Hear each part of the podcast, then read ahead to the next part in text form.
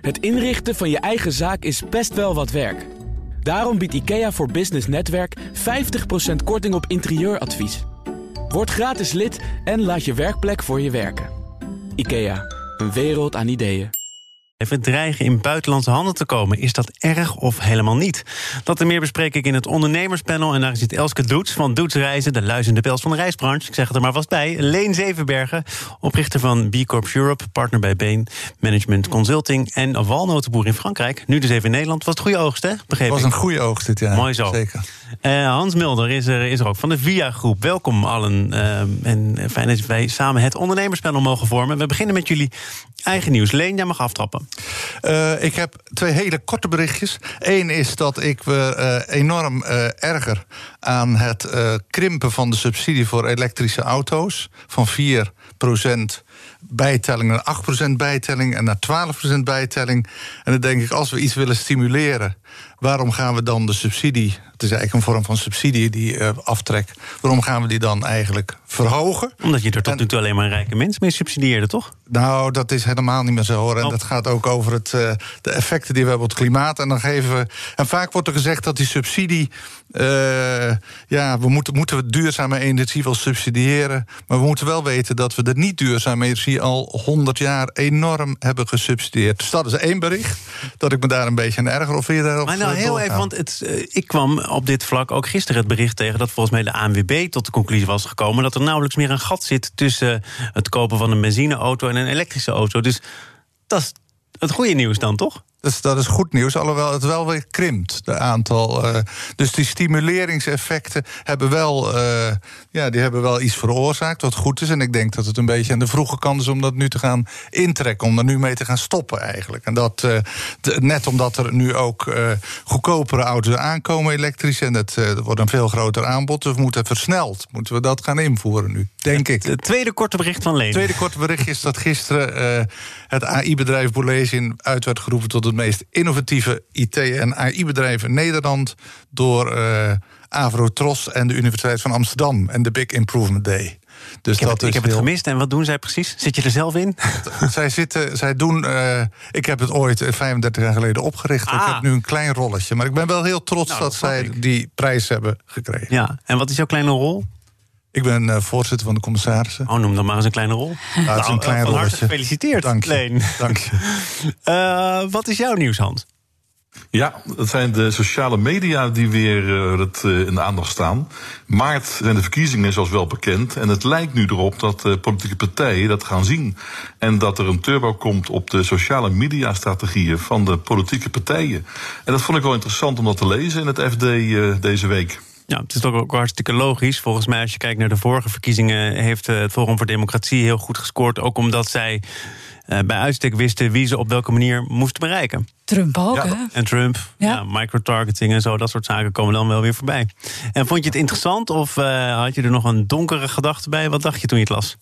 Nou, ik dacht eigenlijk aan alle ervaringen die natuurlijk de afgelopen jaren ons eh, bekend zijn. Is hoe beïnvloed je zulke strategieën en hoe word je beïnvloed? En ja, eh, ik dacht er eigenlijk wel wat, wat, wat meer bij dan de, de technologie zelf. Eh, hoe ga je ermee om, ook als stemmer? Wat doe je daarmee met al die sociale media? Nou, jij bent ook een kiezer, dus. Ja, ik dacht bij mezelf dubbel checken eigenlijk. Hè? Dus eh fact-checking, dat zou toch het wat antwoord kunnen zijn op hetgene wat we gaan meemaken in de komende maanden. Dus ga je alle eh, programma's, partijprogramma's nu lezen? Ik ga dat wel weer doen, ja. Ik, dat is een mooie de omgeving waarin je dat kan vergelijken. Dus ik denk inderdaad, voordat ik me laat verleiden, dat ik me eerst maar even laat informeren. Dus dat zou inderdaad wel een eh, eerste stap zijn, ja. Elske, ik las eh, deze week het FD. Daarin stond een artikel over de veerkracht van snelgroeiende bedrijven. En dat begon met jouw naam. Stond Elske Doets, Jitse Groen en Koningin Maxima, om maar een paar mensen te noemen. Kon je Ja. wel leven met die volgorde? Ik vond het ook heel eervol. eh, maar goed, waar kennelijk is het het een, over? strategische keuze. Omdat ik eh, ook een MKB-bedrijf heb. Dus wellicht is het daarom. Ja, waar gaat het om? Ehm, het gaat erom dat. ehm, er een onderzoek is gedaan door professor Justin Jansen van het uh, Erasmus Center of Entrepreneurship. En dat doet hij elk jaar. Dat gaat over snel groeiende bedrijven. En dan gaat het niet om start-ups, maar om scale-ups.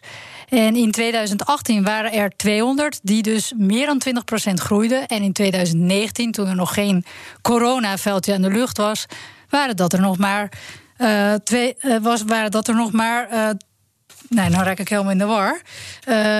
Waren dat er nog maar tientallen. Dus dat is een enorme achteruitgang. En ja, de grote vraag is: hoe kan dat nu? En wat is nu wijsheid? Want als je gaat kijken naar het MKB.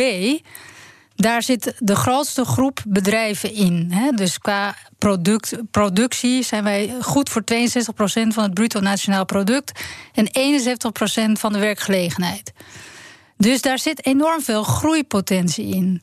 En een NL Groeit, waar ik dus ook onderdeel van uitmaak, die helpt ondernemers groeien. Maar het is natuurlijk wel heel kwalijk dat in een goede economische periode voor corona, dat er dus zo'n rem op die groei is. En ja, wij hebben dus afgelopen woensdag dus uh, uh, met het hele comité van NL Groeit en uh, Hare Majesteit Maxima nagedacht over wat we nu kunnen bedenken om die groeikracht toch meer op gang te krijgen. Omdat peloton, jij houdt nogal van fietsen, om uit dat peloton een soort nou ja, kopgroep te gaan maken. Ja. Maar strooi, strooi is uh, je gedachte hier ook over het ondernemerspanel uit? Want nou, mijn gedachte, mijn gedachte, kijk, um, wat, wat vaak een, een breekpunt is voor bedrijven die in het MKB zitten. Um, dat zal alleen, denk ik, ook wel onderschrijven, is technologie. Daarnaast ook het gebrek om eigenlijk ambitie te durven formuleren. He, doe maar gewoon, dat is al goed genoeg. En uh, ja, daar begint het natuurlijk mee. Hè? Wat is je ambitie? En, dus het zit in de MKB'ers zelf, denk jij, dus voor een belangrijk deel? Of, of wordt er niet de juiste ja, en, en daarnaast is, is jammer genoeg, wij zijn ontzettend belangrijk. Ik heb ooit een hashtag ook geïntroduceerd een paar jaar terug. Hashtag sexy MKB. Er wordt toch altijd een beetje lacherig gedaan hè, over zo'n stomerij. Uh, ja, stomerij kan ook een keten worden van 50 miljoen. Hè? Dan is het niet meer zo.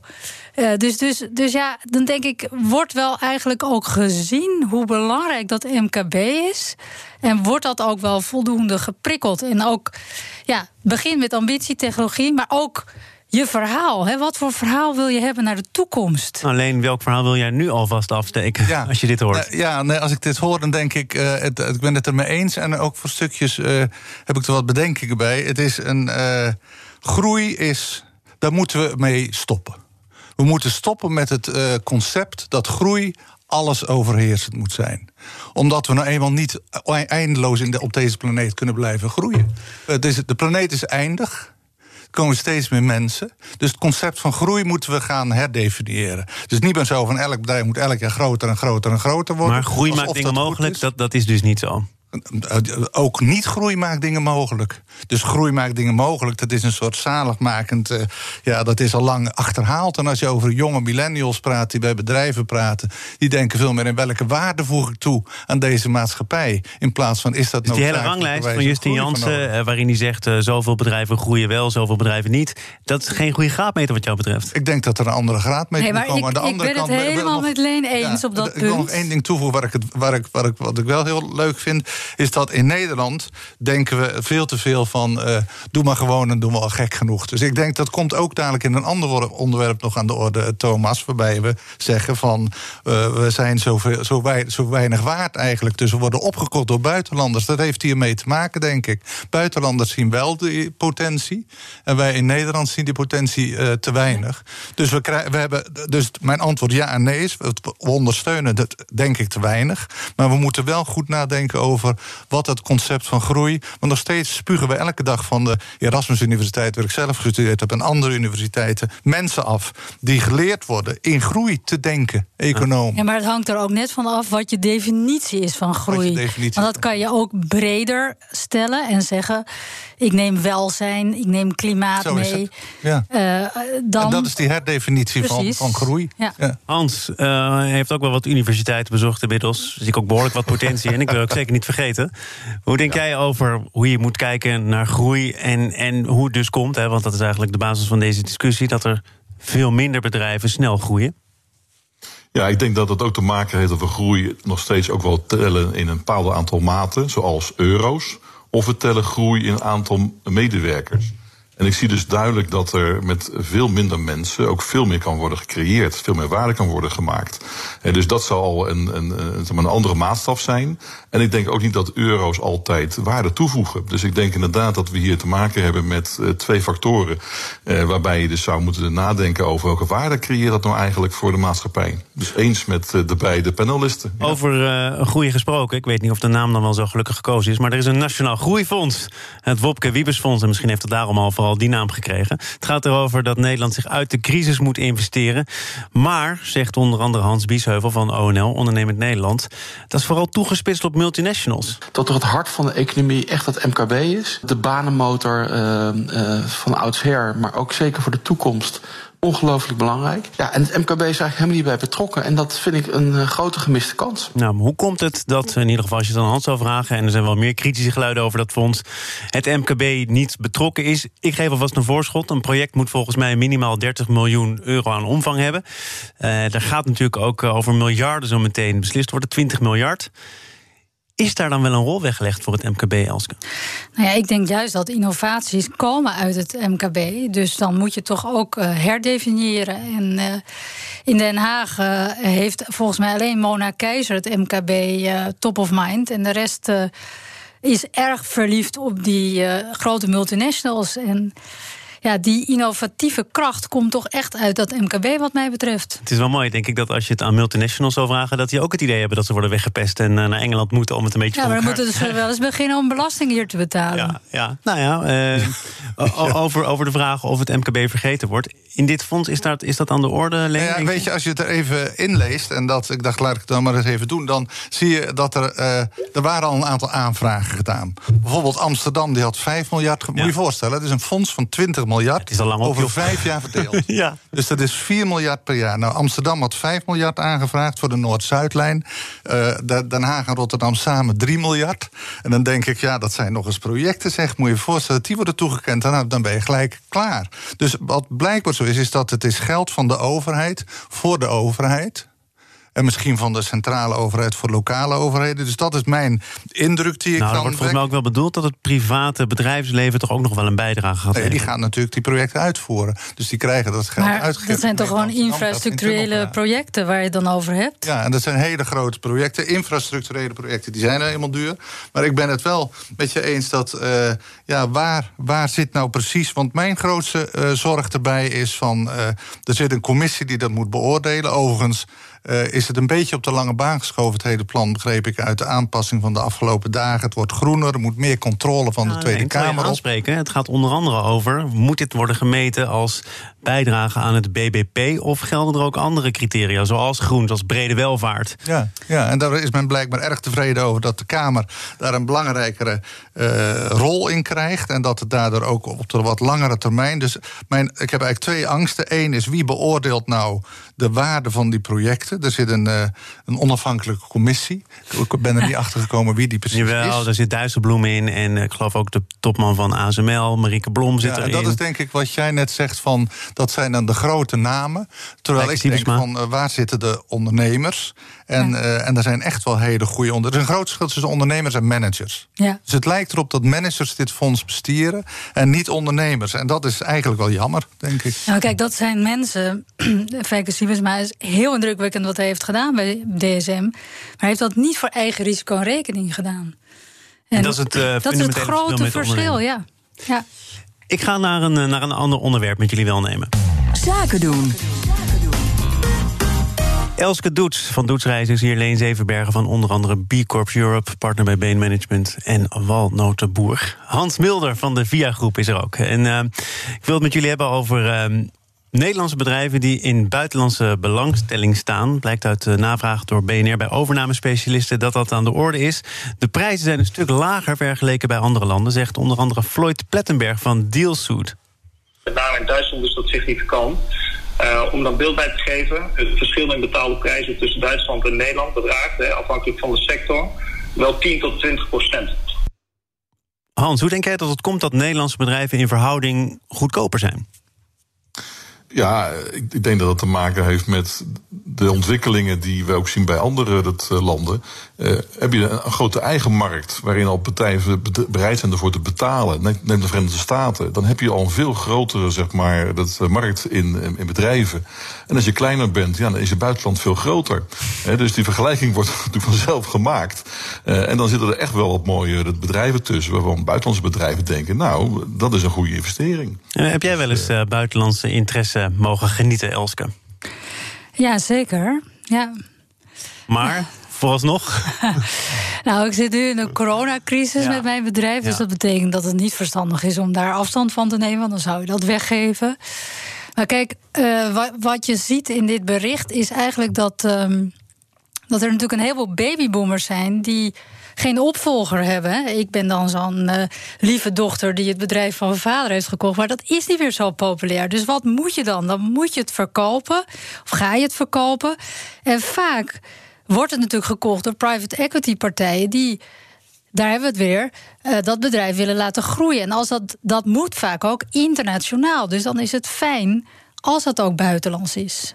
Maar je moet je natuurlijk wel afvragen aan wat voor buitenlander verkoop ik het? Ja. Leen, jij hebt dit gedaan, geloof ik, of niet? Een paar keer heb ik dat gedaan. En, eh, en dat prijsverschil dat is niet van de laatste tijd. Misschien in deze, uh, misschien dat het echt opvalt, maar er is eigenlijk altijd wel een prijsverschil geweest. Het, uh, tussen Amerika en, en, Nederland bijvoorbeeld komt dat heel erg omdat Amerikaanse investeerders kijken naar wat is de potentiële toekomst. En de Nederlandse investeerders kijken met name wat heb je tot nu toe gepresteerd in financiën. En dan krijg je al heel snel natuurlijk uh, een groot verschil in, in prijs. Maar ik denk bij mezelf van ja, het is, ik, zie. Uh, in, in zijn algemeenheid zie ik het probleem helemaal niet. Uh, ik denk wel dat uh, je moet oppassen aan wie je verkoopt en of echt het geld op de bank staat. Dat je niet een deal maakt en je krijgt uiteindelijk niks. En toch ben je bedrijf kwijt. Dat soort. Maar dus is dit dingen. een sentimentele discussie dan? Dat Nederlandse bedrijven lekker Nederlands moeten blijven? Ja, maar wij ja, doen toch als economie. kunnen wij toch ook niet zonder het buitenland? Dus dan moet je toch ook accepteren dat bedrijven ook in buitenlandse handen. Dat begrijp komen ik. Maar van sommige bedrijven accepteer je dat misschien uh, wat minder makkelijk. Ik heb toevallig een gesprek gehad deze week met de topman van KPN. Ja. Uh, daar wordt natuurlijk aan alle mogelijke manieren uh, geprobeerd om in ieder geval ervoor te zorgen dat het niet in buitenlandse handen terechtkomt. Ja, maar als je, als je bijvoorbeeld naar de belangen kijkt van uh, mensen in een land, hè, bijvoorbeeld infrastructurele belangen of andere belangen, dan zou je kunnen zeggen van bij sommige bedrijven moeten we wel een beetje oppassen of er niet ineens in een buitenland een knop omgedraaid kan worden, zodat wij ineens geen treinen meer hebben, nee. bij wijze van spreken. Maar dat geldt dan dus echt voor een paar uitzonderingen begeven op het publieke speelveld. Ik denk dat dat een minderheid is. Ja. Het is ook een enorme emotie. Hè? Want kijk naar wat er vorig jaar gebeurde toen uh, meneer Hoekstra dus een deel van de KLM ging kopen heel Nederland had het idee dat dat een Nederlands bedrijf was. Maar dat was al sinds 2004 in Franse handen.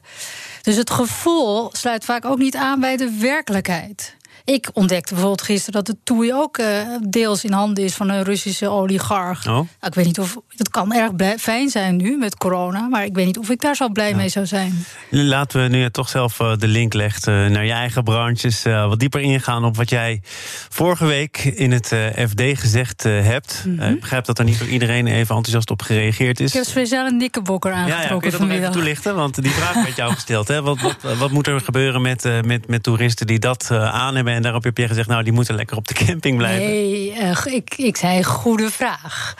Um, maar goed, ja, uh, ik hoorde net uh, wethouder Everhard van Amsterdam. En ja, we hebben een. door corona is onze branche op stilstand gezet.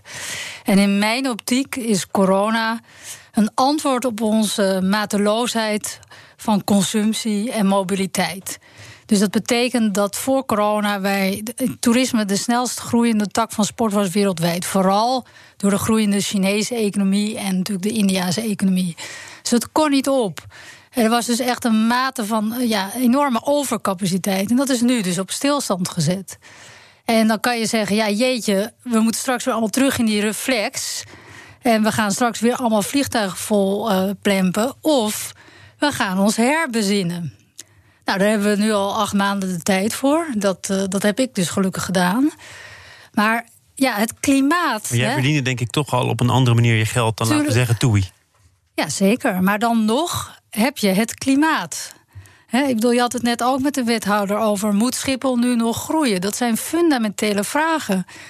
Waar... Waarvan hij overigens niet zei dat dat uh, uitgesloten is. Nee, maar er wordt, daar wordt wel een ontwijkend antwoord op gegeven. Er wordt niet een heldere discussie over gevoerd.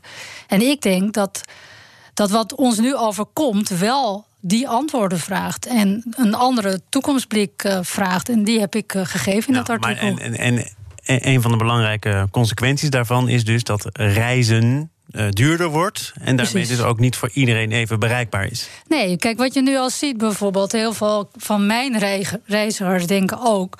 ach, die hele vraag is weggevallen. Hè. Onze branche is natuurlijk een vraag- en aanbod uh, prijsprincipe.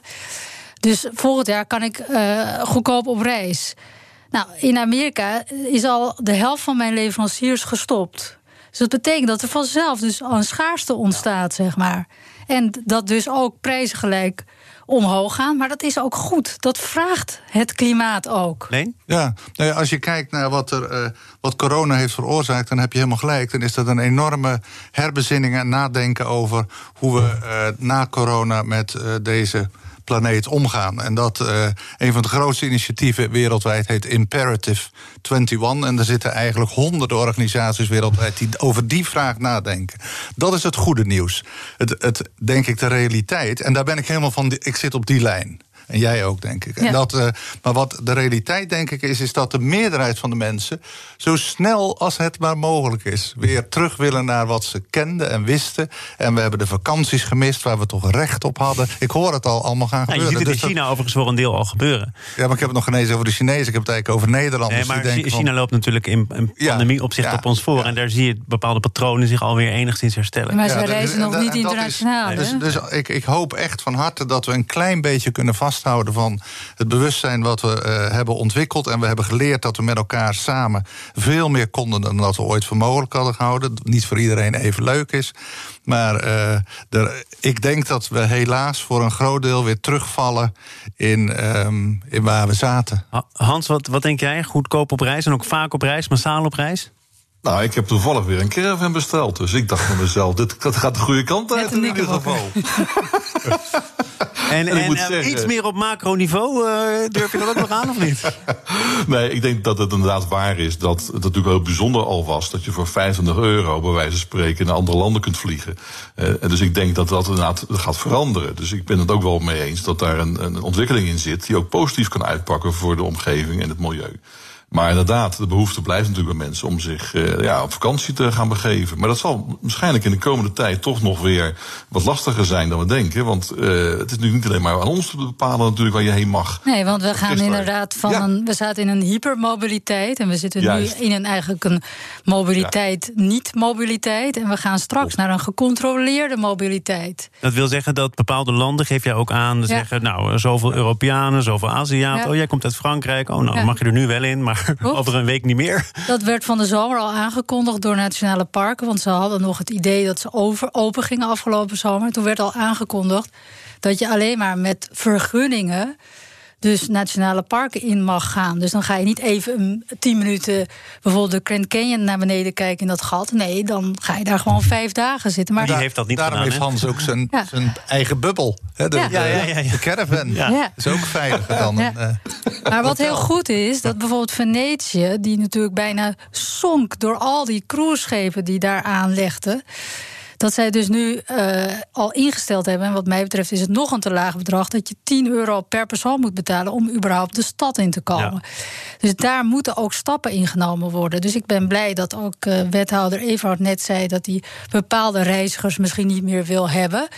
Ja, maak daar een beleid op, want dat is nodig. Ik ben ook heel blij dat er al cruiseschepen worden afgebroken. Elske Doets, Leen Zevenberg en Hans Mulder. Dank voor jullie bijdrage aan het ondernemerspanel. Dit uh, was het voor vandaag. Maandag dan is in dit programma Johanne Kellerman... van het pensioenfonds Zorg en Welzijn te gast. Uh, de gas- en oliesector, nu we toch begonnen zijn... is over zijn hoogtepunt heen. En juist daarom willen de grootste pensioenfondsen... blijven beleggen in fossiele industrieën. Hoe PFZW zich in dat debat roert... ga je maandag horen in BNR Zaken doen. Zometeen eerst Nieuwsroom Den Haag, gepresenteerd door Mark Beekhuis. Veel plezier daarmee. Tot maandag. Een kleine update maakt een wereld van verschil. Daarom biedt IKEA voor Business Netwerk gratis snelle interieurtips en ideeën. Word gratis lid en laat je werkplek voor je werken. IKEA, een wereld aan ideeën.